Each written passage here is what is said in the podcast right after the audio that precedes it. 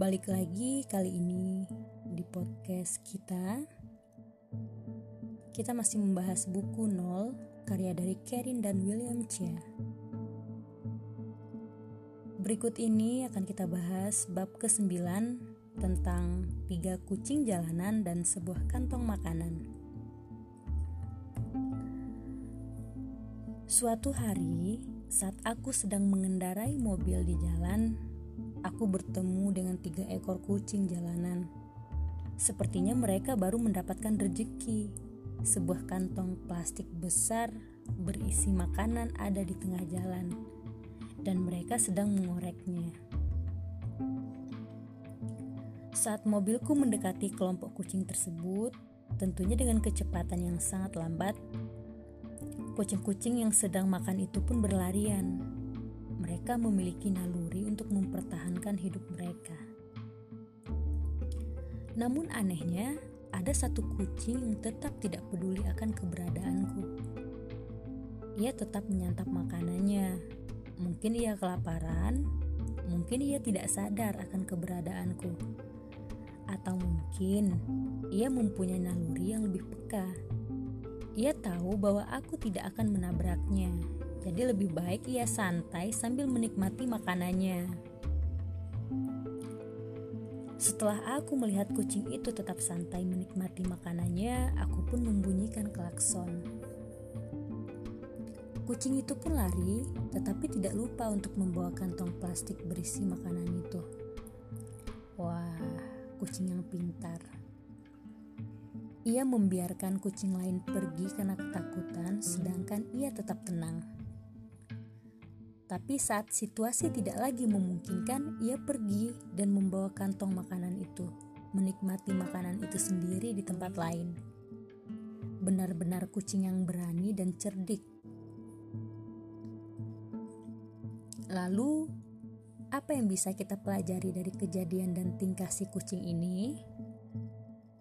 Kenapa kita perlu belajar dari hewan? Karena sebenarnya manusia itu memiliki pikiran dan otak yang lebih pintar dari binatang. Hanya saja sering lupa untuk digunakan. Sedangkan hewan memiliki ukuran otak yang lebih kecil. Tapi otak yang kecil itu selalu mereka manfaatkan dengan baik. Yang bisa kita pelajari dari kejadian itu adalah manajemen resiko karena hidup ini penuh dengan resiko dan menjadi kehidupan berarti harus berani berhadapan dengan sesuatu yang beresiko. Tidak percaya? Sekarang coba kamu lakukan kegiatan yang menurutmu tidak memiliki resiko. Makan. Kemungkinan kamu bisa tersedak.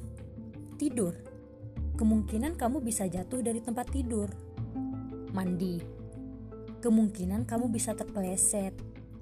Nah, bukankah semua aktivitas memiliki resikonya masing-masing? Lalu orang bilang, kalau kamu tidak mau menghadapi resiko, maka coba untuk diam saja di rumah. Kata siapa berdiam diri di rumah tidak memiliki resiko? pada 21 Juni 2012, pesawat TNI Angkatan Udara jatuh di permukiman dan menimpa tujuh rumah warga. Bayangkan kalau kamu diam di rumah lalu ditimpa pesawat. Bukankah itu justru disebut sial? Jadi, kamu sudah percaya bahwa hidup ini penuh dengan resiko? Tapi yang sebenarnya menjadi poin penting adalah bagaimana caramu menghadapi resiko-resiko tersebut.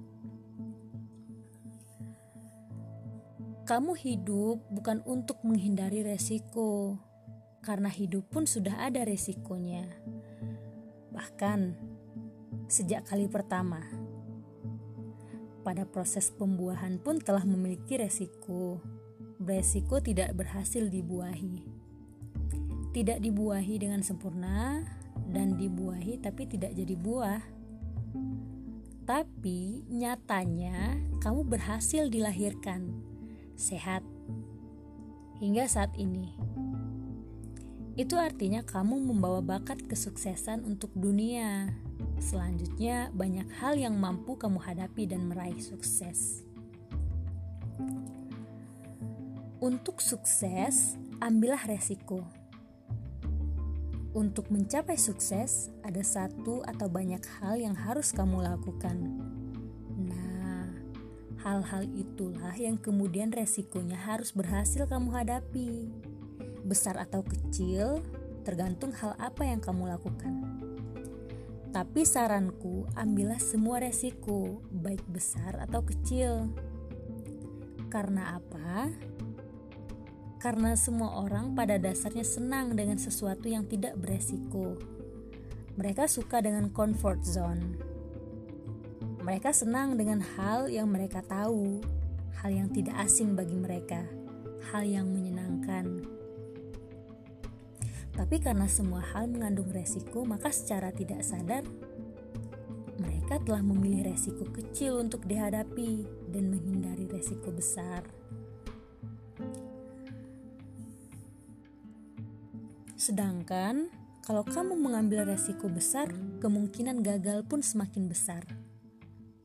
Tapi jangan lupa, peluang sama dengan resiko. Kedua hal ini berjalan paralel alias sejalan. Ketika kamu mengambil resiko besar, peluangmu untuk menggapai sukses pun menjadi semakin besar. Tapi ingat, kamu bukan hanya mengambil resiko besar, kamu pun harus bertanggung jawab dan belajar bergulat dengan resiko tersebut. Suksesmu adalah memenangkan resiko tersebut. Seperti halnya si kucing cerdik, dia lebih berisiko mati, tetapi dia lebih berkesempatan sukses membawa kantong makanan tersebut, bukan? Memang, kesuksesan itu tidak mudah dan beresiko.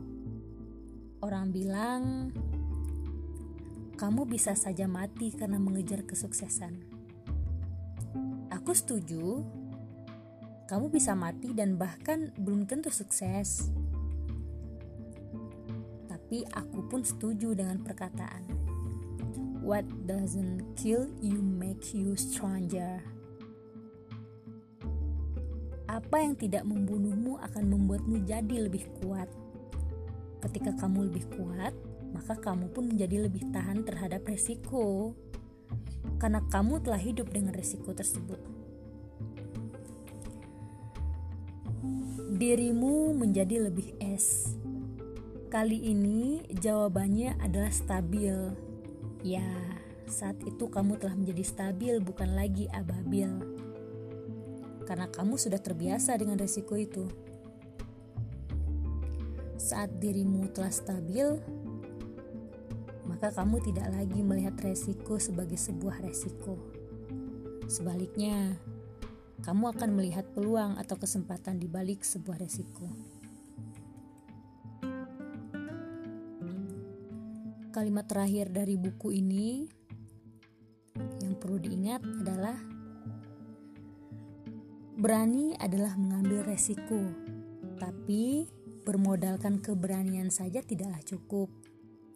Sukseslah, ketahuilah resiko yang akan kamu hadapi. Pelajari resiko itu, tangani resiko itu, stabilkan dirimu, dan kendalikan risiko yang sedang kamu hadapi. Sekian podcast kita kali ini.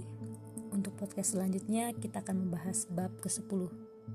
Sampai berjumpa kembali di podcast kita.